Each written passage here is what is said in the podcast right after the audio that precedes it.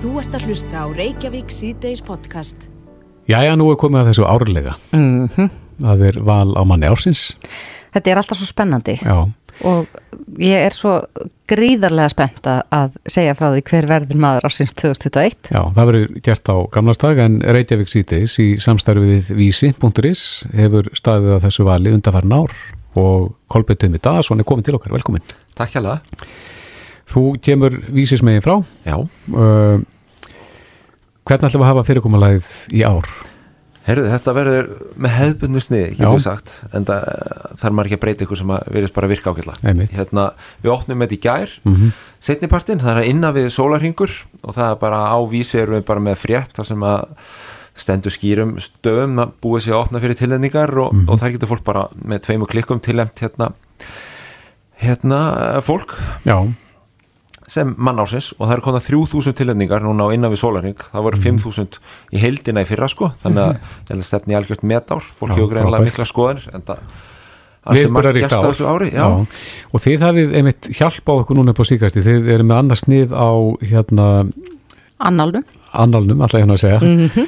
Þannig að þið eru að hjálpa okkur svolítið að rifja upp það sem gerðist á árinu. algjörlega, við ákomum að brjóta þetta svolítið upp, við erum búin að vera mjög lengi með bara hennar fasta annál á gamla ásdag eða 30. þar Mhm. sem við bara farið yfir árið á, á hundavaðin, núna erum við bara ákomum að taka, ég held að sem er 21 item, þar sem við erum bara að dreifa þessu yfir desembermánuð. En þetta hjálpar okkur sem erum að tilnefna að, að muna, ég man bara svona cirka mánu aftur í tíman, þú veist þannig að það eina sem mitt eftir í höfu bara Kári Stef eða, eða Þórulfur skilur en, en uh, með þessum annálum erum við að fá bara já, heyrðu, þetta gerðist, Daði stóð sig gríðarlega vel í Eurovision og Einmitt. fleiri þeimtur. það er ekkert leyndamál það hefði það er komið hérna, tilhending daga, það eru Mhm. komna nokkrar. Það er rosa margir búin að fá og, líka gaman bara að minna á þetta þú veist að það er fólk að núti í samfélaginu sem við mögulega vitum ekki af, sem Mhm. endilega láta vita, það er alls konar afrikunin sem að fjölmjölni ná ekki að þefa uppi Já, og það er líka svolítið skemmtilegt þegar þetta er fjölbreytt, þegar að, þetta spannar svona vítt svið.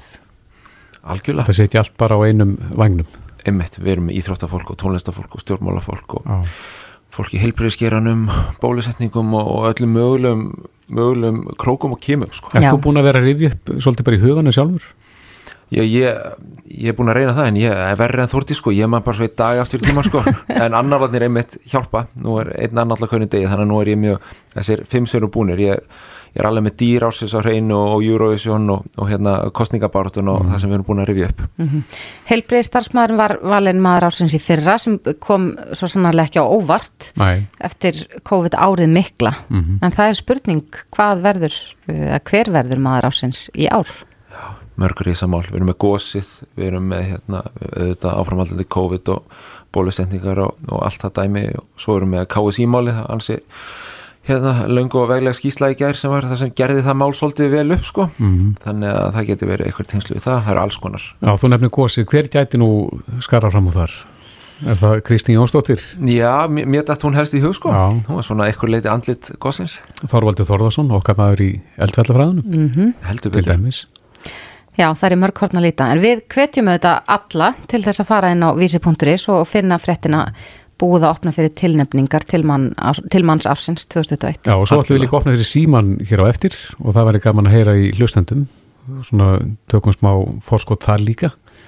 E, Áður en klukkan slær 5 að þá ætlum við að heyra í ykkur. Hver á stílinn aðbótinu maður ásins 2021. En Kolbi Tummi Daðarsson, bara menn í mann, já, við lokum 14. desember þannig að fólk hefur út þriðudaginn næstu viku til, að- til að leggja hérna til mann ásins frábært. Tummi, takk fyrir komina. Takk fyrir mig.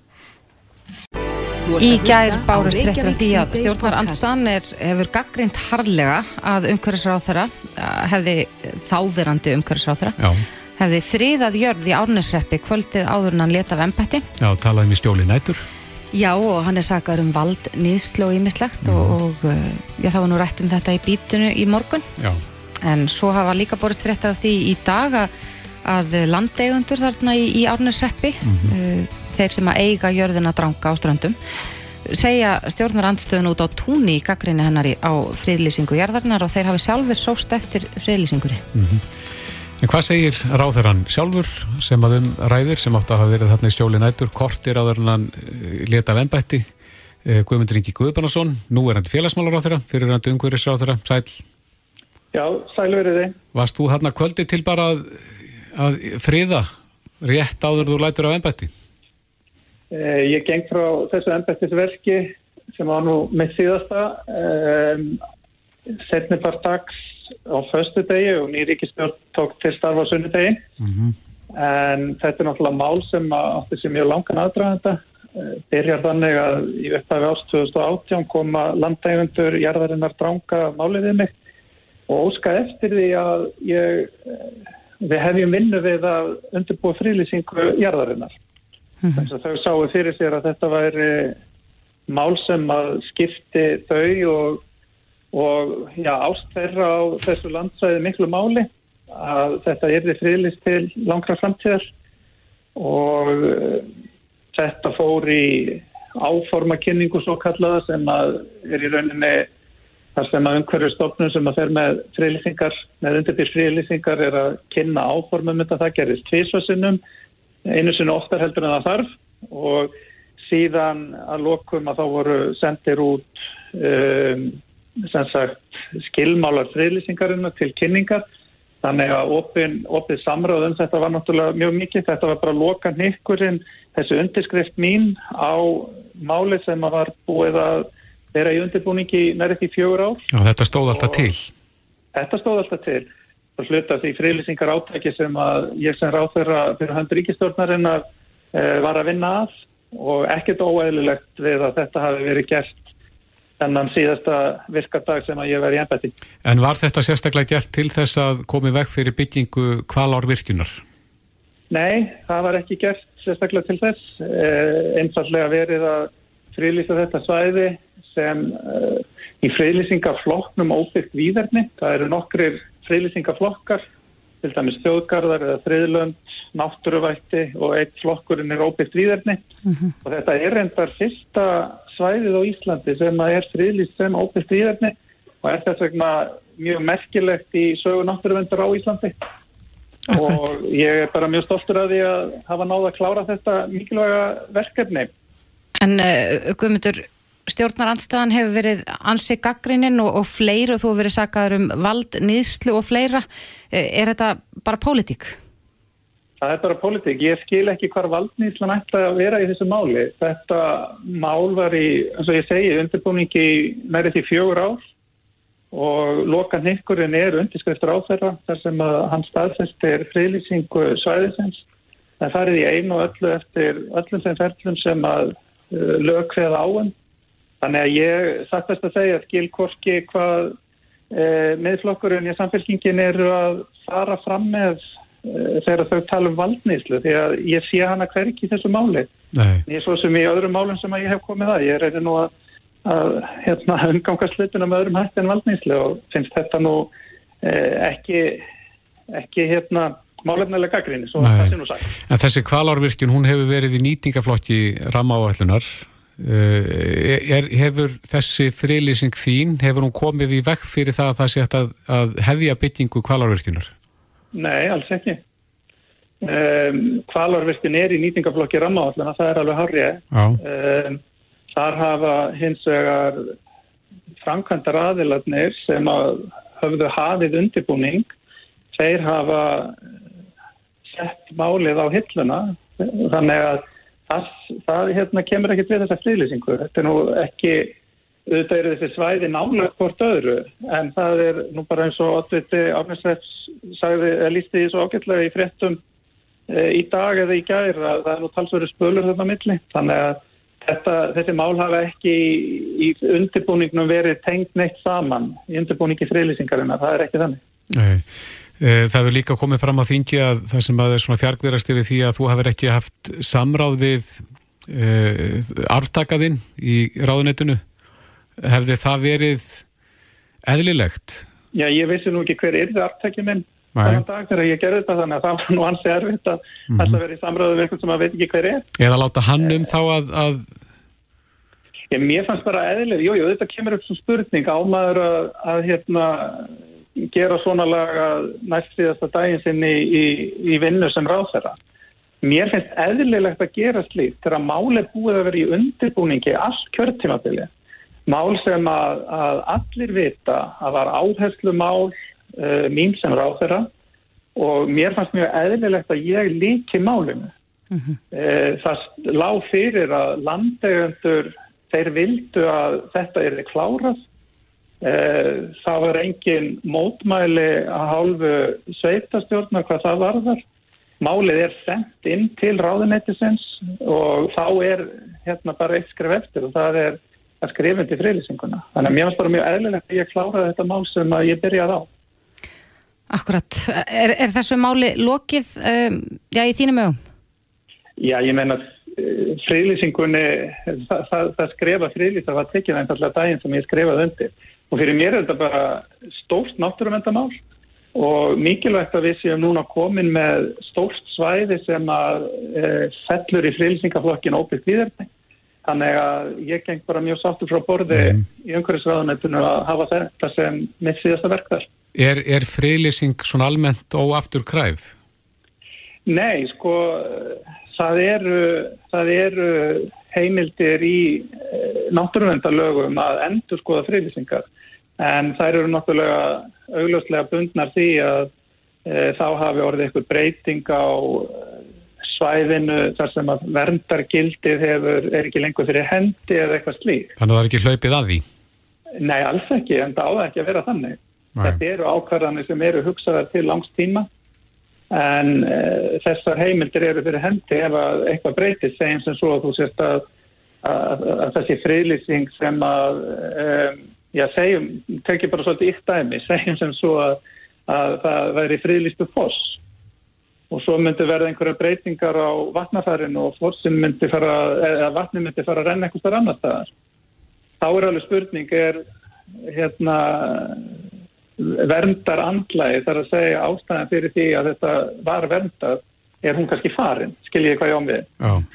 E, það er náttúrulega augljóslega ekki um að ræða í, í þessu tilfelli. Þannig að fyrir mér er nú þessi um, umræða sem kom upp á alþingi gær stormur í vasklösi og greinilega ætla til einhvers annars heldur en að, að uh, gera málinn eitthvað gott en það alveg ljóst bæði að því sem að landeigundur hafa sagt og, og aðrir að, að það var full samstafa um þetta. Mm -hmm. Rétt aðeins í lókina því að það var önnur umræða sem kom upp í gær og það er raforkan. Það er að segja að það er ekki það er ekki búið að byggja kerfið upp eins og hefði átt að gera svona með við þau atvökk sem hafa komið upp síðastliðin undarfærin ár og það er talað um að Vilhelmur Átnarsson, formadur umhverjus og samgöngu nefnda þingsins talað um það að þetta væri bara fallengum fyrir vinnubröð þingsins og stjórnmálana að hafi ekki náða að, að klára þessi mál er, er umhverjusvendin að þvælast og mikið fyrir e, raforkun og flutningi á, á raforku og raforku öryggi Umhverfisvendin þarf náttúrulega að vera fremst í flokki á samt því að tryggja um, það að við höfum næga raforku sérstaklega til uh, svona eigin sarfa en svona sérstaklega að því að þú spyrir mér nú að þessu þá var ég með frumvarp á síðasta þingi sem átti að einfalda málsmeðferð þegar það kemur að lagningur aflýna og uh, Viljálmur Ornarsson sem var satt nú þá í og setur enni í, í hérna umhverfis og sangöngunemnd uh, þekkir það mál mjög vel. En uh, nefndinu auðnaðist ekki að klára málið. Þannig að ég gerir bara ráð fyrir nefndin takki það málið upp aftur ef það kemur fram þannig að en almennt séð að þá held ég að við þurfum svona aðeins bara að anda innum nefið og, og út um munnin þegar við erum að tala um þessi raforkumál því að í mínum hög er ekki, það er ekki skortur á raforku á Íslandi mm -hmm. það er í sömum tilfellum þarf að efla flutningin eins og til dæmis til þess að geta senst eh, hérna um, loðnubræðslum og, og öðru slíku en uh, þá er það líka spurningar hægt að nálgast það með einhverjum öðrum hætti að komast í, í hérna að, að afgreða slíkt uh, með öðrum lausnum heldur en að efla flutningin en þetta er svo sem eitthvað sem er endalust upp á borðinu og mikil umræðum en aðalmálið er að við Íslandingar náum að saminast um það að svo orka sem að eða, eða þær virkjanir sem að ráðist verður í í framtíðin að við sem að fara að nota þá orku til orkuskilta. Vegna þess að það er stóra verkefni þegar það kemur að loslasmálunum. Það er náttúrulega slemt ef að menn já, það er slemt ef að menn þurfa að fara að brenna jarðefna elsneiti í stað ráorkunar. Það sjálfsögum. Já, í landi ráorkunar. Já, en þetta er alveg eitthvað sem að náttúruvendin á alveg geta farið saman við, við uh, þessa orkuöflun mm -hmm. Þegar við höfum það í huga í hvað ætlum við að nota orkuna og ef við einbetum okkur að því að við séum að fara að nota hana í að uh, fara í orkuskipti hér innanlands að þá held ég að þetta geti farið saman. Já, Guðmundur Ingi Guðbrandsson, félagsmála og vinnumarkasráþara og fyrirvænandi umhverfisráþara. Takk kærlega fyrir spjallið. Takk fyrir sömulegis. Þetta er Reykjavík C-Days podcast.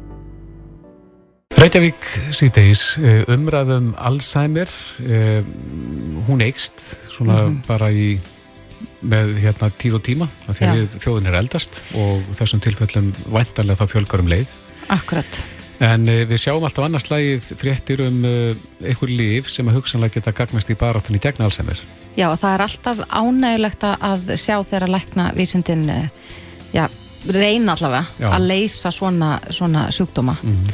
Og lækna þá en, en uh, það eru samkvæmt fréttum eru 100 miljóna manna um allan heim sem þjást af Alzheimer. Já. það eru rosalega tölur. En, en nú heyrum við að nýri bandarískri rannsók Já, sem er ansi spennandi. Já, og þar kemur Viagra við sögu, steiningarlifið sjálft. Já, það segir í þessari rannsókna að steiningarlifið Viagra gæti reynst gaglegt í meðfyrir við allsærum sjúkdómin mm -hmm. samkvæmt nýri bandarískri vísindarannsókn og að þetta geti já, haft greiðlega mikil áhrif en til þess að ræða þetta er hinga til okkar komin Steinun Þórðardóttir, öldrunalæknir og yfirlæknir heila bilunar einingar kom til sæl Komið í sælublöstu Já, í hverju fælst þetta? Hvernig fengum við þetta út? Já, þetta með Viagra. Já. eh, sko, þetta er mjög stór rannsókn og hún byrtist í tímaritinu Nature Aging núna bara um helgina, þannig að mm -hmm. þetta er mhm. glænýjar fréttir og þetta er virt tímaritt þannig að þessi rannsókn er búin að fara í gegnum flóki, svona rítríni ferli áður en hún byrtist, þannig að þetta er eitthvað sem maður ásuna að geta treyst eða maður á að geta treyst einhverju mm -hmm. og það sem að þau gerðu þarna þau, rannsakandirnir, uh, þessi bandarísku að þau skoðu þess tryggingagögn yfir 7 miljón einstaklinga þarna úti og sáu þá og þá bara með tilliti til í rauninni livja á mjög breyðum grundvelli voru að leitað einhverju sem að slægi út þegar kemur að áhættu á Alzheimer-sjúkdómi mm -hmm.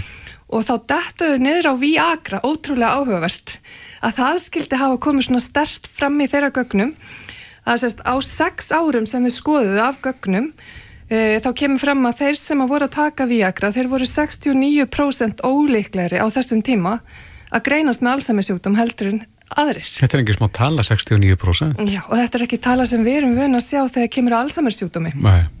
Þannig að þetta er náttúrulega mjög Þú veist, maður verður alltaf að passa sig á stórum orðum þegar mm -hmm. kemur að Alzheimer, ég er búin að læra það með reynslunni, mm -hmm.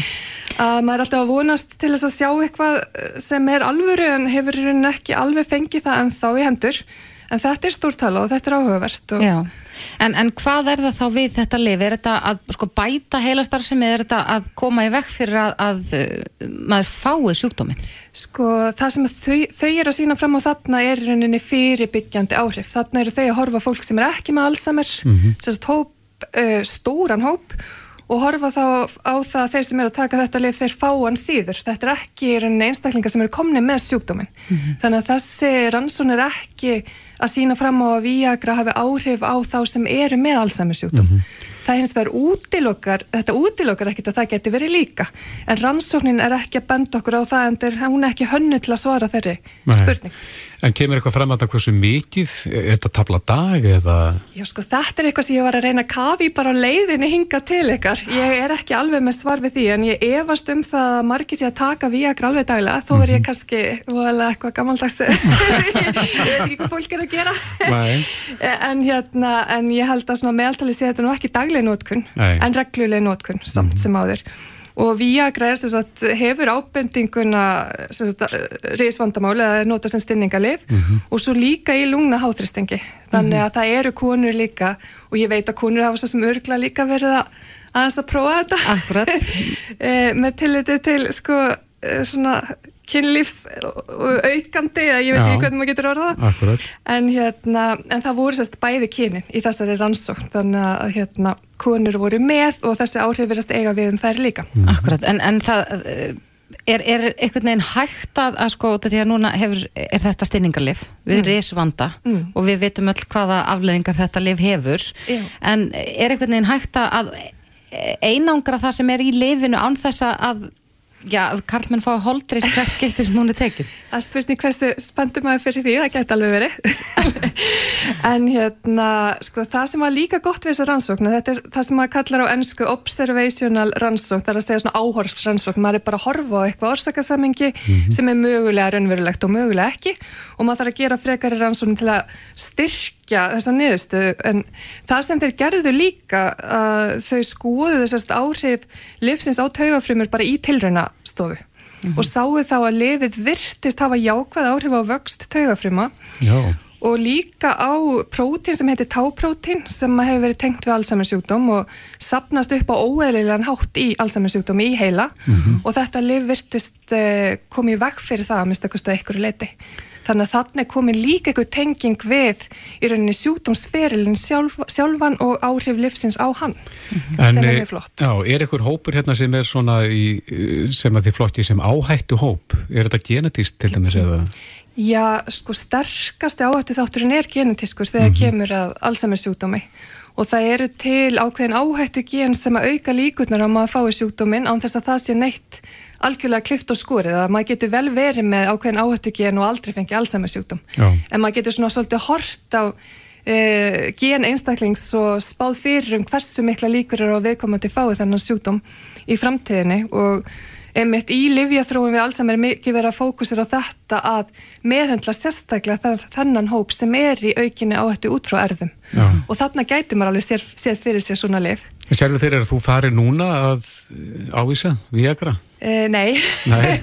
við erum ekki komin svo langt og eins og rannsakandunni sjálfur benda á sem að gera þessa rannsókn og fleiri hafa tekið undir að næsta skrefið er, er í raunin að gera stóra rannsókn þar sem við bara slempir röðum fólki mm -hmm. í tvo hópa, uh, livleysu hóp og þá Viagra hóp og fylgjum þessum tveimur hópum eftir í einhver tíma mm -hmm. og sjáum er þetta raunverulegt því það er þannig sem að livjaransóknir eru náttúrulega langa oftast gerðar Akkurat. að hóparnir verða að vera sem sambarilegastir og það getur vel verið að þessi Viagra hópur eigi eitthvað sameilegt annað en Viagra sem er vendandi, það er náttúrulega mögulegt mm -hmm. þau reyna leiða þetta fyrir því en það getur vel verið að slíka áhrif síðu til staðar þannig að þess vegna er það næsta skrifið áður um að getur farið að nota þetta En er líklegt að, að slík rannsókn um, með svona, slem, svona slempi rannsókn mm. verði fara af stað bara innan skams? Sko, nú er maður bara að spekulera en mér finnst það ekki ólíklegt með við bæði eins og þið segja hvað þessi áhrif voru stór og líka þessa gríðalegu vöndun á livjum við þessum sjúkdómi og náttúrulega frábært ef við fengjum eitthvað sem væri fyrirbyggjandi, mm -hmm. það væri náttúrulega óbústlega stort framfaraskref.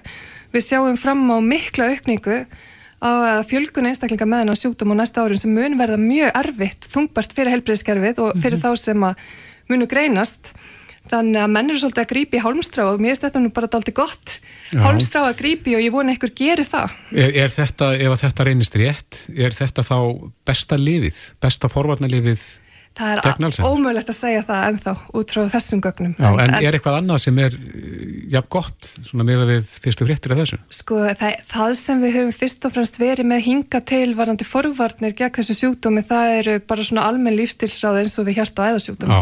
Það er mataræði, reyfing, það er heila leikvimi, það mm -hmm. er að mhm. vera virkur uh, bara og, og, og lifa fjölbreyttu lífi, takast á við ymsar áskoranir og svo framvegs, bara halda sér á tánum, bæði andlega og líkamlega. Þannig að það er kannski þá fyrsta lífið komið sem að... Sko það gæti verið, mm -hmm. en mhm. ég þú er ekki að segja neitt til um það ennþá, en það er að mista kosti mjög áhugavert ef að svo er, því að það, það er ekkit annað fyrirbyggjandi á markaði. Það maður búist því að maður er frestist núna til þess að, Já, að. Já, með þessum skemmtilegu aukaverkunum. Já, Já það er aldrei að vita. Það er allir glæðir. Eins og þið segið að það væri áhugavert að sjá hvort það væri hægt að taka þennan stinningar þátt út úr lifinu. Mm -hmm. Því að það er kannski, svona, eins og þið segið, pínulítið svona, á, kannski ekkit eitthvað sem allir myndu vilja hafa með. Nei. Nei, en ég skilst að menn þurfa að vera svolítið innstiltir inn á það til þess að, að lifi virki þannig. Já, það er rétt. Já. Já, þannig að það er kannski líka... Það þurfa að vera svolítið í stöðinu. Já, þannig að það þarf að fylgja. Þannig að eins og ég segi, það er líka nota við lúnaháþristingi og þar kemur þetta ekkert við sögur. Nei, akkurat. Og það sem er líka jákvæmt svo ég megi bætaði við að þetta er lif sem er þegar á markaðu og búið að fara í gegnum uh, svona öryggisprófanir. Mm -hmm. Þannig að ef það sýnir árangur þá ætti það að vera fljótt að komast í nótkunn. Akkurat. Já, þetta eru mjög spennandi fréttir. Steinun Þorðardóttir, öldrunarleiknir og yfirleiknir heilabilunar einingar á landsbytala. Mm. Takk kærlega fyrir komuna. Takk sem við leiðis kærlega. Reykjavík síðdeis á Bilginni podcast. Reykjavíks í deis í gær herði við í Viljum Þór Þórsinni, eh, helbriðis ráþyra nýjum eh, og talið barstað eh, þessum byrjöðum sem að hafa myndast hérna undanfæran ár og þessa byrjöði ger ekkert annað en að lengjast eftir aðgerðum eða lands í liðskipti. Og hann kom með þau gleðilegu tíðindi að landsbítalinn væri búin að semja við klínikina Eh, um að taka þátt í aðgerðum eða framkvæma aðgerðir. Og sæði nú reyndar fyrst 75 en svo fengum við leiðrétting á þessari tölu í stílabóðum frá ráþurra sem að sagði að þetta væri 175 aðgerðir. Mm -hmm. og til þess að fræðast aðeins nánar um þetta er komið til okkar Hjálmar Þorstensson yfirleiknir Skurstofa klínikurinnar, velkomin. Takk fyrir það. Já, Þetta eru gleðið tíðindi, er þetta rétt? E, já, sko, þetta er í rauninni þannig að það sem að ráðherran gerir hann, hann veitir í rauninni fjárveitingu sem er upp á 60 miljónir inn í landsbytalan til þess að útvista ákveðin maðgjörðum mm -hmm.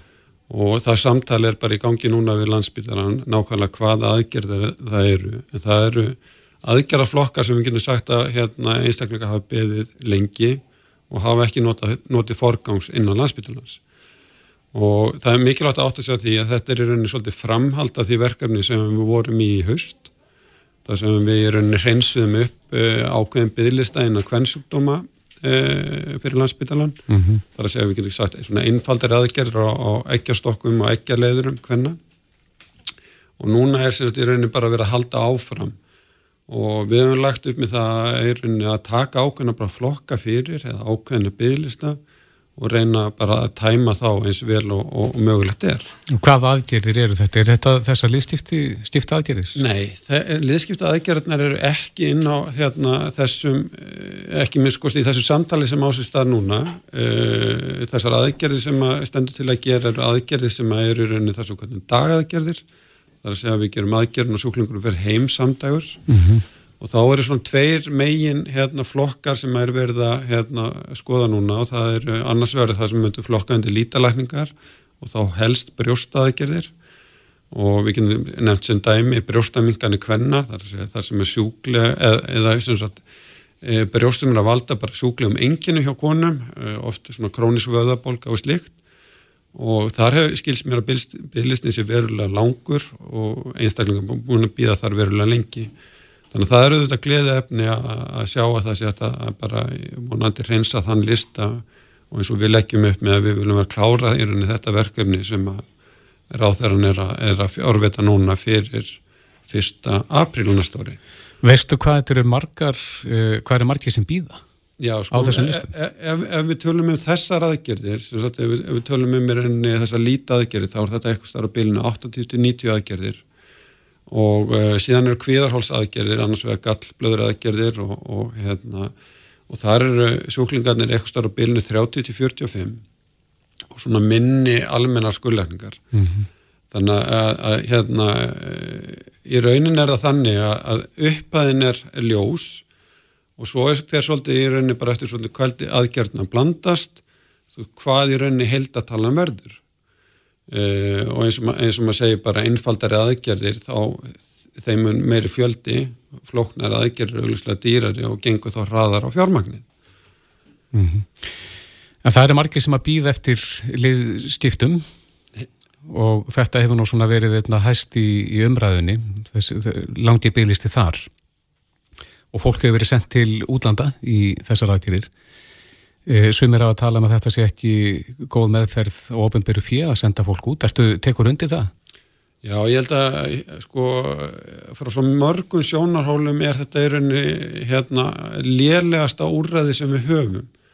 Í fyrsta lega er það þannig að, að hérna, ef, ef við tökum fjárhæðina til hlýðar, við myndum segja að veri algjörlega sambærleg fjárhæð aðgerð hér innanlands eða erlendis að þá er það strax þannig að, að sá sem er að fjármagna aðgerðina sem er ríki í þessu tilvilli að leið og aðgerðin er gerð sem sagt fyrir utan landsteinuna þá missir í rauninni ríkið allir í skattheimtu af þeirri, þeirri framkvæmt sem aðgerðin er mm -hmm.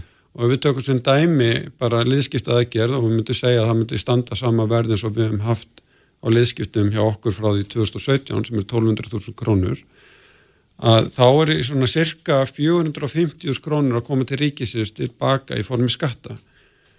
gefum okkur það að sama upp að þessi rökkuður erlendis þá fær ríkið til baka hérna fljóðallarskattin það er nú allt og svo og það er ekki margið þúsugallar þannig að þarna er komin hluti sem er auglustlega ekki hagkvæmi fyrir ríkið uh, og nú erum við bara búin að segja það að ef það væri sambarleg verð en það er auglustlega það sem áttur að bætast ofan á, á aðgerðarkostnaðin er hérna flug og uppehald bæði fyrir sjúkling og, og hérna aðstanda það sem að kannski fyrir mig sem lækni er erfiðast að horfa upp á er að e, við viljum ju skapa sjúklingnum það, þannig möguleika að eiga samfell í sinni þjónustu þar að segja að það er sami lækni sem að ákveður aðgerðina framkvæðmir og fylgir hann eftir og þetta er fyrir sjúklingin algjörlega ómögulegt því að það er einhver annar lækni sem er búin að segja að þessi ábending fyrir aðgerð fer síðan erlendis í, í aðgerð uh, kemur aftur heim og hefur henni enga möguleika á neinum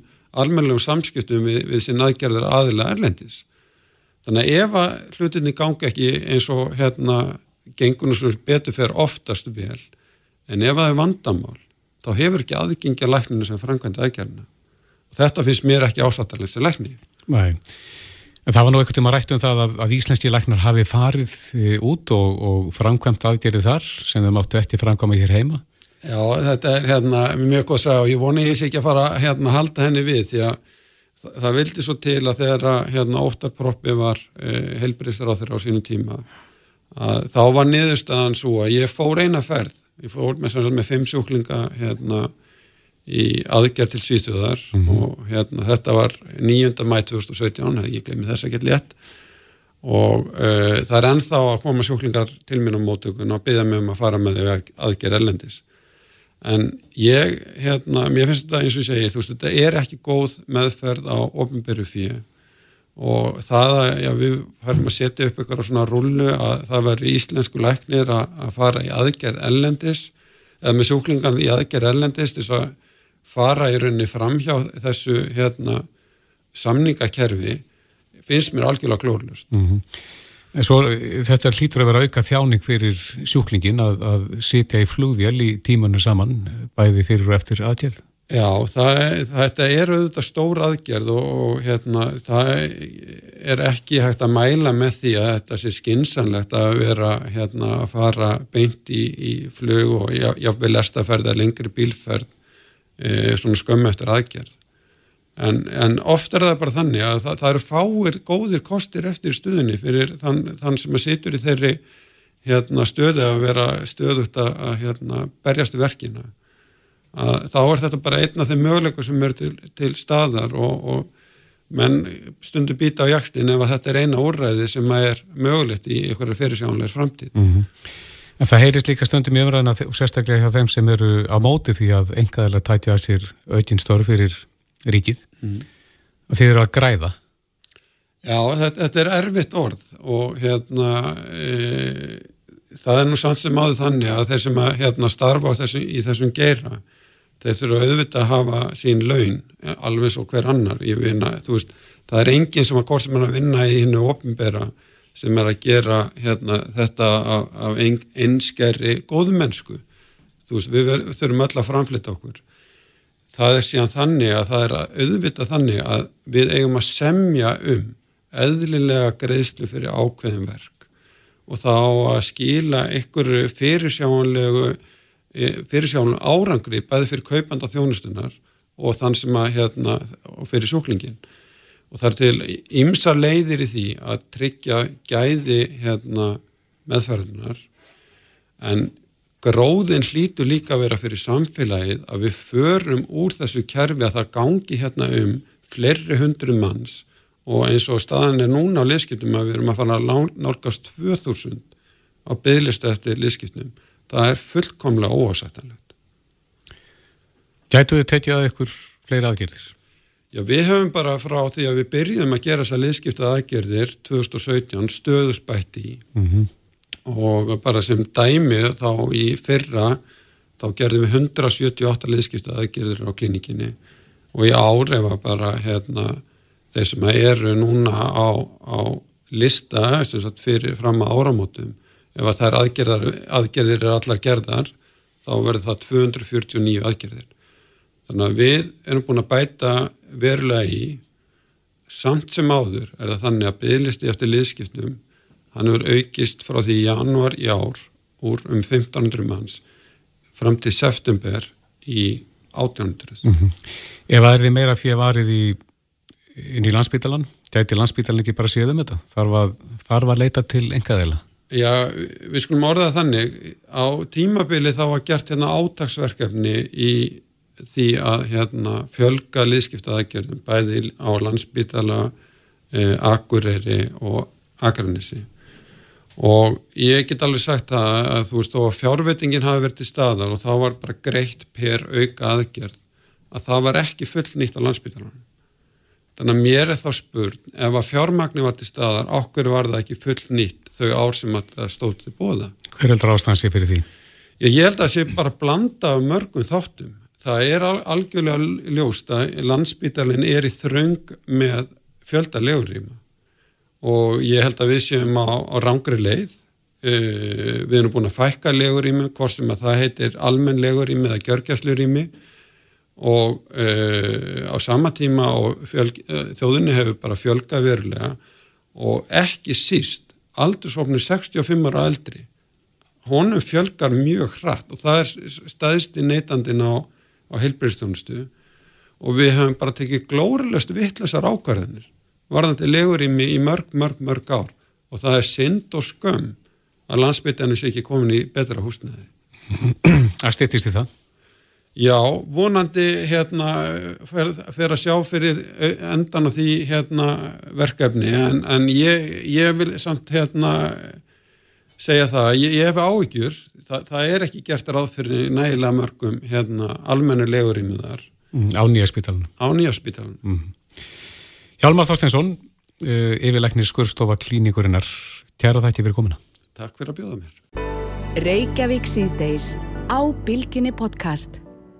Bregðum okkur aðeins út í umferðina. Já, það var tilkynnt í dag að Ebla, eh, verkfræðistofan, mm -hmm. hafi unnið sigur í hönnunarsamkeppni um nýja brú yfir fósvokk. Já, ég sá myndaðu sinna vísipunktur og þetta er bara hansi smekklegt að sjá. Já, hún fellur svona einhvern veginn fallega inn í umhverfið sem ég held að hafi nú verið lagt upp með, mm -hmm. að þetta væri ekki mikið líti, en Nei. þetta mun breyta gríðarlega miklu uh, fyrir umferðina þarna. Hvaða getur... staði tengir þetta? Þetta tengir saman Kársnesið og svo Nautólsvíkina hins vegar. Mm -hmm.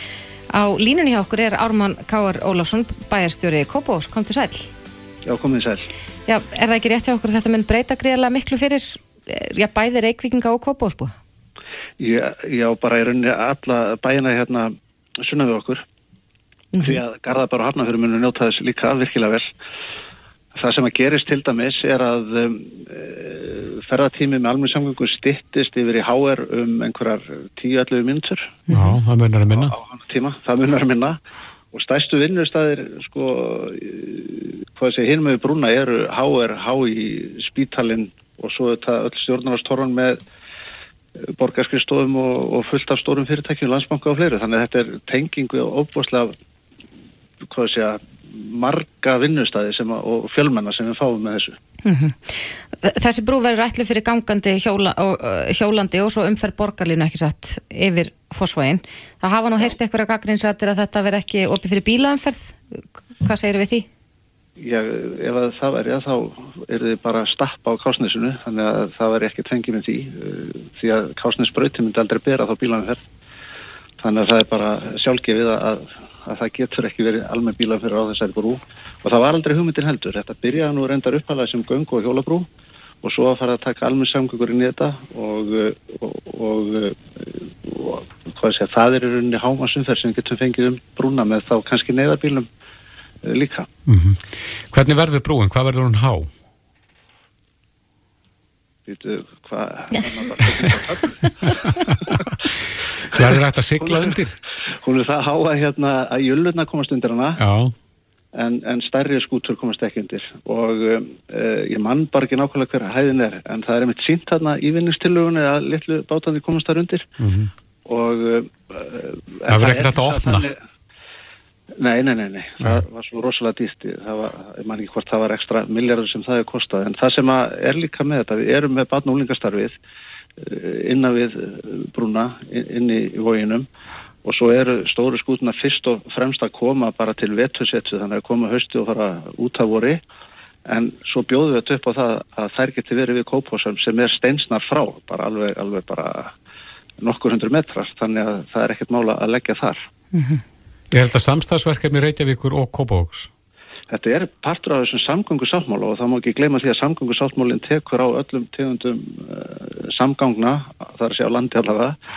Og uh, þannig að það verður að bæta líka umferðartengingar ljósastýringar, um, göngulegur og hjólulegur og þetta er allt undir. Þannig að þetta er bara eitt hlut af þeim samningi. Mm -hmm. þannig að öll sveitafélaguna höfuborgarsvæðinu standa saman að þessu og eins og ég segi þessi tenging er ekkert síður mikil svirði fyrir Hafnarfjörð og, og þessi stytting fyrir Hafnarfjörð og Garðabæ eins og okkur hér á Kásnesi og Öðribíðu Kópás þannig að þetta er 90.000 manns sem eru að njóta þessa verkefnis. Þannig að deilis-kostnaður þá á þessi sveitafélag þarna á svæðinu?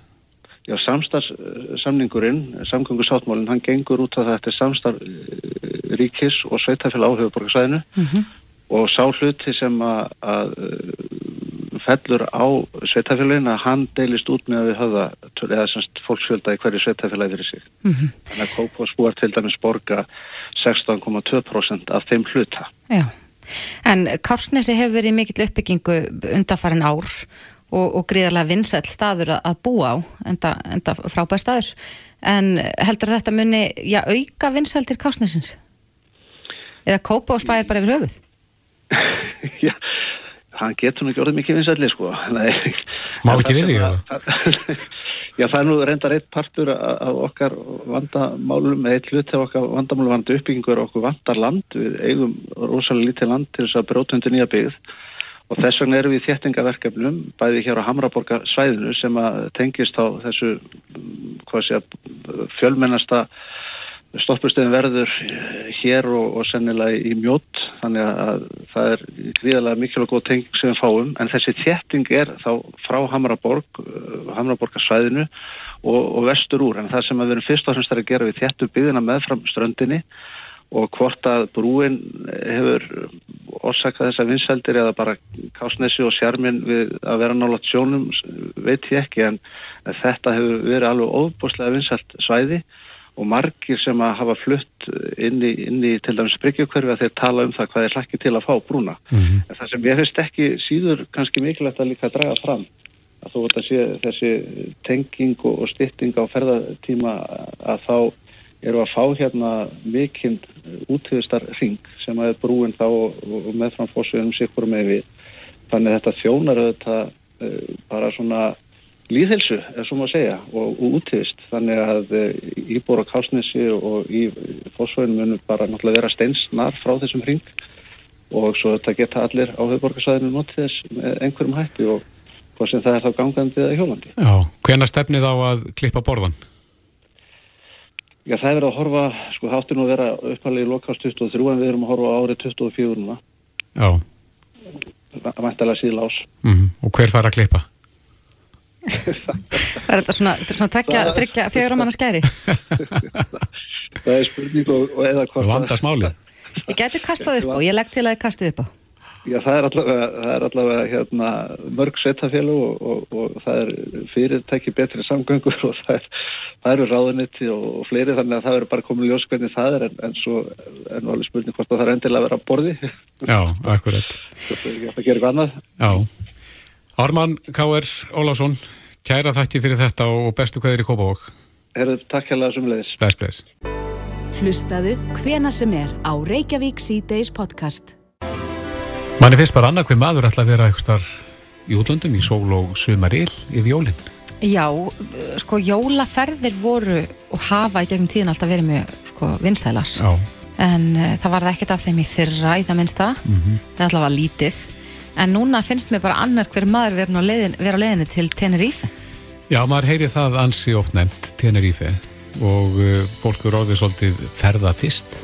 Já og svo líka bara eftir að við fórum svolítið að ferðast aftur mm -hmm. að uh, þeir sem ég þekki sem að hafa farið til Tenerife núna að undanförnu segja þetta sé bara eins og að vera á hverfispöfnum. Það er svo margir, Já, maður þekkir svo rosalega marga. Já, akkurat Hann Svali sem er þekktu fyrir að losa Íslendinga um Tenerife mm -hmm. okkar maður hér á Bildjunni Hann eh, er í símanum, er stattur á Tenerife. Sæl Svali. Ég er góðan að beðan daginn, hvað segir þið farleg? Við segjum allt rosalega gott en þú. Ég er alls sagt, þannig er í mínum 24 gráðum út á hugvelli að taka móti í hólki. Þú ættir eiginlega ekki verið að segja okkur þetta. Við erum hér í, í suttanum á Íslandi. En Svali, er, er von á, á mikið af Íslandingum til Tenerife yfir jólinn? Ég heyrði og ég hef svo sem engar, engar sérstakar tölur á nefa á mér en ég hef ekki ólíkjast en það sé búið að selja 5.000 meðan. 5.000 flugmiða til tenni? Já. Já. það er líka bara... Ég er eiginlega orðlaus að heyra þetta. Já, þannig að það, þegar, það, þegar 2019 sko sem ára sennilega stærst jólirna þá voru hér um 3800 útlendingar. Já, akkurat. Þannig að það hefur eitthvað gefið í síðan þá. En Svali, hvað er það við Tenerife og, og sko sem að, trekkir 5.000 Íslandinga um jól? Um jól? Ég held að sem bara fyrst og fremst að upplega jólinn annars þar en heima og bara prófa það sko. Mm -hmm. Þú ert líka náttúrulega að fara í umhverju þar sem þú ert sko uh, klukkan tíu á aðfangardags morgun getur þú rætt út á strönd og farið í solpað og slakað á og farið svo fínt út að borða á eftir sko. Mm -hmm. hver, hver er meðal hittin á Tenerife um jólinn? Þetta er svona 22 gráður. Já, mjög svona þæginlegur hitti. Já, svona jólahittin hérna er svona 22-25 gráður eitthvað hlutis yfir daginn. Mm -hmm. Kvöldin alltaf eins og margir vita eru, eru svalari. Það voru að tala um tenninni kannski 16-17 gráður eitthvað hlutis. Já, en hvernig, en, hvernig gætu, já, hvernig gætu jól á Tenerife litið út? Er eitthvað við að vera? Já, hellingur. Það er náttúrulega, fólk kemur hérna, flestir að koma svona kannski að byrjunni 2001 til 2003 og uh, nánast allir sem að maður hefur hitt eða heyrir af, þeir eru búin að bóka borð einhver starf aðfangadag. Í skötu, á þálag? Nei, já, jú, það hefur nú verið búið upp á eina íslendingaborðum en, en ég veit nú ekki hversu finnst alltaf er að nágranna börnunum en, en hérna, en menn er ekkert endilega uppteknir við eitthvað íslensk, sko. Nei. Þannig að er fólk... Bara eitthvað fengt út að borða og upplega aðeins öðru í þessi aðfangadagsstemningu, þú veist, eftir sex hlustra jólamessuna og svo út að borða, sko. Mm -hmm. og, og sama áðum gammalskóld. En uh, ég, ég er allavega þannig gerða að hefðir skipta með miklu máli. Er, er fólk alveg að fara út fyrir svona ja, hefðbundin jól og, eða er fólk að mögulega flytja með sér kjöt út og elda það þar? Ég held að það séu lang flestir sem eru bara koma einhverja nýja jólahefð. Eða skilur nýja e, svona upplifun á jólunum. Þessi ekki með hangi kjötu, reikinuleg og bara alla þetta vittleysi. En þetta fólk kannski að flýja svolítið þetta stús í kringum þetta?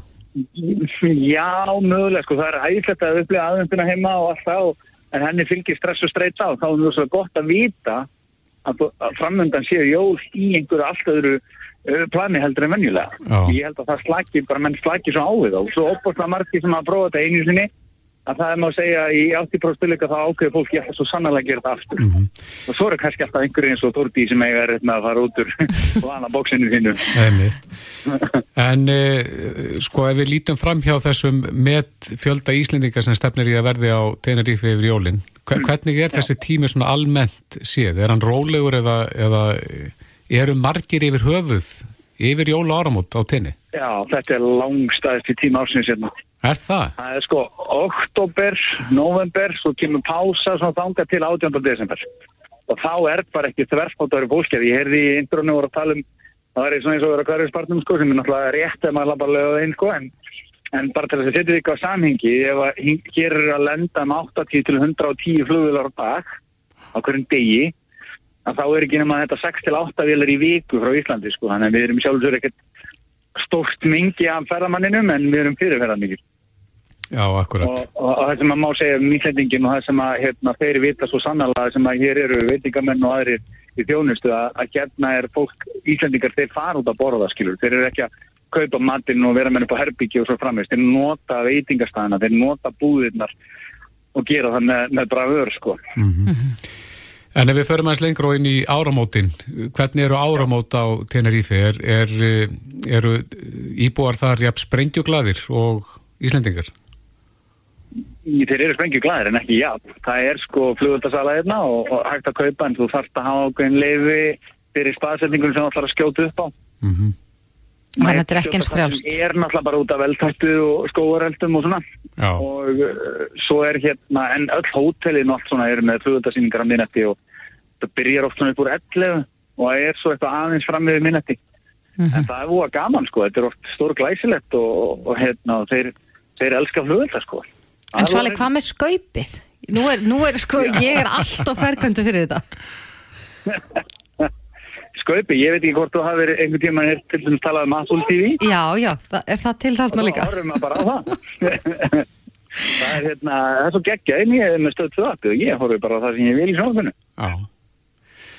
Frábært, Heru, þannig að það stefnið bara í medjól uh, á Tenerife. algjörlega sko, algjörlega Já, þetta verður, verður mjög skemmtilegt og, og gaman að sjá hvað Íslandingar eru orðnir farða glæðir já.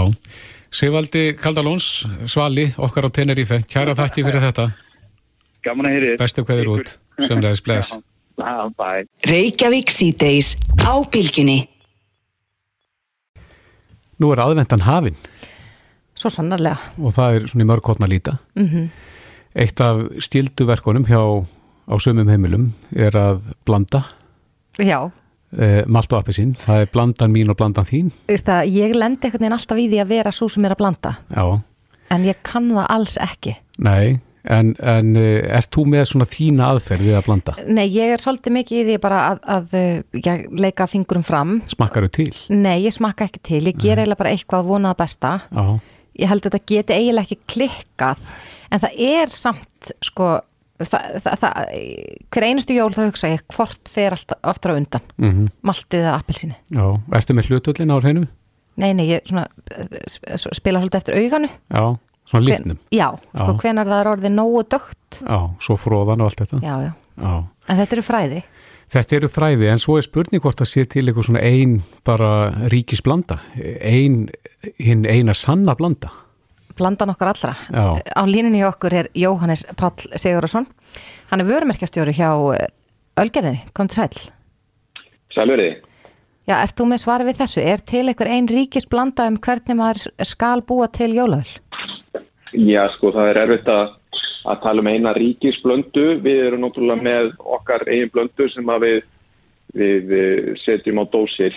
En síðan náttúrulega hvetjum við eh, eh, fólk til að, að finna sína eigin blöndu. Já. og maður heyrir það mikið að, hérna, að eh, það eru miklu núansar í þessu.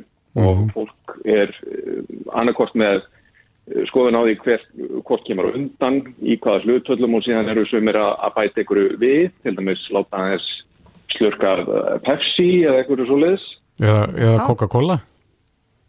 Já, ég, ég veit ekki hvort að maður vilji það, en hérna, Já, en hver, hver er, er blandan, rétta blandan? Já sko ég er bara með mína skoðun á þessu og ég set appelsínu undan og, og hef kannski svona 60% malt og, og 40% appelsín, ég vil aðeins hafa hana svona dekkri. Mm En, hvers hérna- vegna setur þú appelsinu undan? Er einhver ástæða fyrir því? Já, sko, menn ráða, ráða því náttúrulega, en uh, það er hérna talað um að, að það freyði minna ef appelsinni þeirra undan Já, og, og menn geta muna það með eh, bara stárósröðinni, sko, að kemur undan og, og þess vegna byrja að minna á appelsinni. mm Það vil freyða daldið ef, ef að malti þeirra undan. já. En þú segir síðan 60% uh, malt. Já, það er svona bara mín uh, mín blanda allavega. Ég, svona, sumi vilja hafa meira appelsinn, hafa svona aðeins uh, sætari en, en ég vil hafa svona meira, Já, meira malt. Það er svona, Akkurat. En, en eins og þú sagðir að þá eru þið þetta að, að framlega malt og appelsín annars vegar og síðan líka jólaöl. Já, Hver er munurinn þar á? Er meira malt í jólaöli heldur en í malt og appelsíni? jólaöl og appelsín er, uh, hérna, það er bara blanda með kvítöli. Þannig að hérna, þetta er í rauninni, sko, kvítöli í gamla daga var, var kallað jólaöl fyrir jólinn. mm og e, margir muna eftir því í brúsunum og svo hérna e, var e, sem sagt, þessi blanda jóla og lappisín e, mjög vinsæl þannig að við erum, við erum ennþá að selja hana og, og hérna komum með hana sigurskjætta fyrir, fyrir þessa jól -hmm. En setur þú eitthvað persónlega út í Pepsi eða eitthvað svolítið þess að bara aðbæta? Ég er svona nokkuð bara nokkuð klassískur í þessu. Ég hef bara þessa, bara þessa hefðbundu blöndu í, í hérna í könnu mm -hmm. uh, hérna appelsín og undan og, og svona 60-40 malt appelsín. Já, fyrir þá sem er ekki með þetta á hreinu, þeir geta kannski prófa þetta þá fyrir jólinn, byrjaðu appelsínunu og haft blönduna eins og segir 40-60 Já, ég, en eins og ég segi, ég hvet fólk til þess að að bara finna sína eigin blöndu og sína eigin hefðir í þessu. Það er svona, það er það sem að gera þetta svolítið sérstakst að hvað allir hafa mikla skoðun á þessu og, og hérna e, búa til sína eigin hefðir fyrir jólum. Ölgerinn er held ég líka er það ekki að, að með jólabjór sem heitir maltbjór Já, er, mælur með því að skipta maltölun út fyrir hann og, og poppa þessu upp jólabóði? Já, það hérna, má alveg gera það sko og hérna, og maður hefur það svona að, að þetta sé e, blanda sem að menn, menn fái sér e, stundum, svona kannski hérna fullotna fólkið. Já, hefur þú prófað þetta sjálfur? Ég hef prófað þetta og þetta bara kom vel út sko. Já, að blanda sem sagt þá maltbjórnu við appelsín? Já, já. já. Já, maður kannski mælir ekki með því að gera það og setja á, á hátíðarborðið Nei. ef að hinn er gestinni viti ekki á því. Nei, nokkvæmlega og, og hérna, þetta er svona bara uh, kannski þegar að nær drjú jólum, þegar að hérna, að menn eru búin að afgreða gjafirnar. En segð mér aðeins þessi maltbjór, er þetta eitthvað svona í líkingu við Guinness? Það, það má, ég raunin bara að segja að þetta sé hérna mjög líkt uh, eigin smalti, sko. Já nema bara áfengt. Já, akkurat Já, akkurat. Já uh, við bara hvetjum fólk til að prófa að sjá fram með þetta. Og búa til sína eigin blöndu eins og, eins og þú sagðir. Jóhannes Pál Sigurðarsson, vörumerkjastjóri hjá Ölgerni, takk kærlega fyrir spjallið. Já, takk fyrir. Og þá hefur við það, við getum svona reynd með okkur hver, hérna að blanda bestu blönduna. Mm -hmm. En nú er uh, bara komið að lokum hjá okkur hér Reykjavík sítið þessi dag. Já, við ætlum að stifta yfir á fréttastofuna fáum nýjustu fréttir frá fréttamannum okkar hér til skamastund. Þóldís Bræði og Kristófi þakka fyrir sig í dag. Verið sæl. Þetta er Reykjavík C-Days podcast.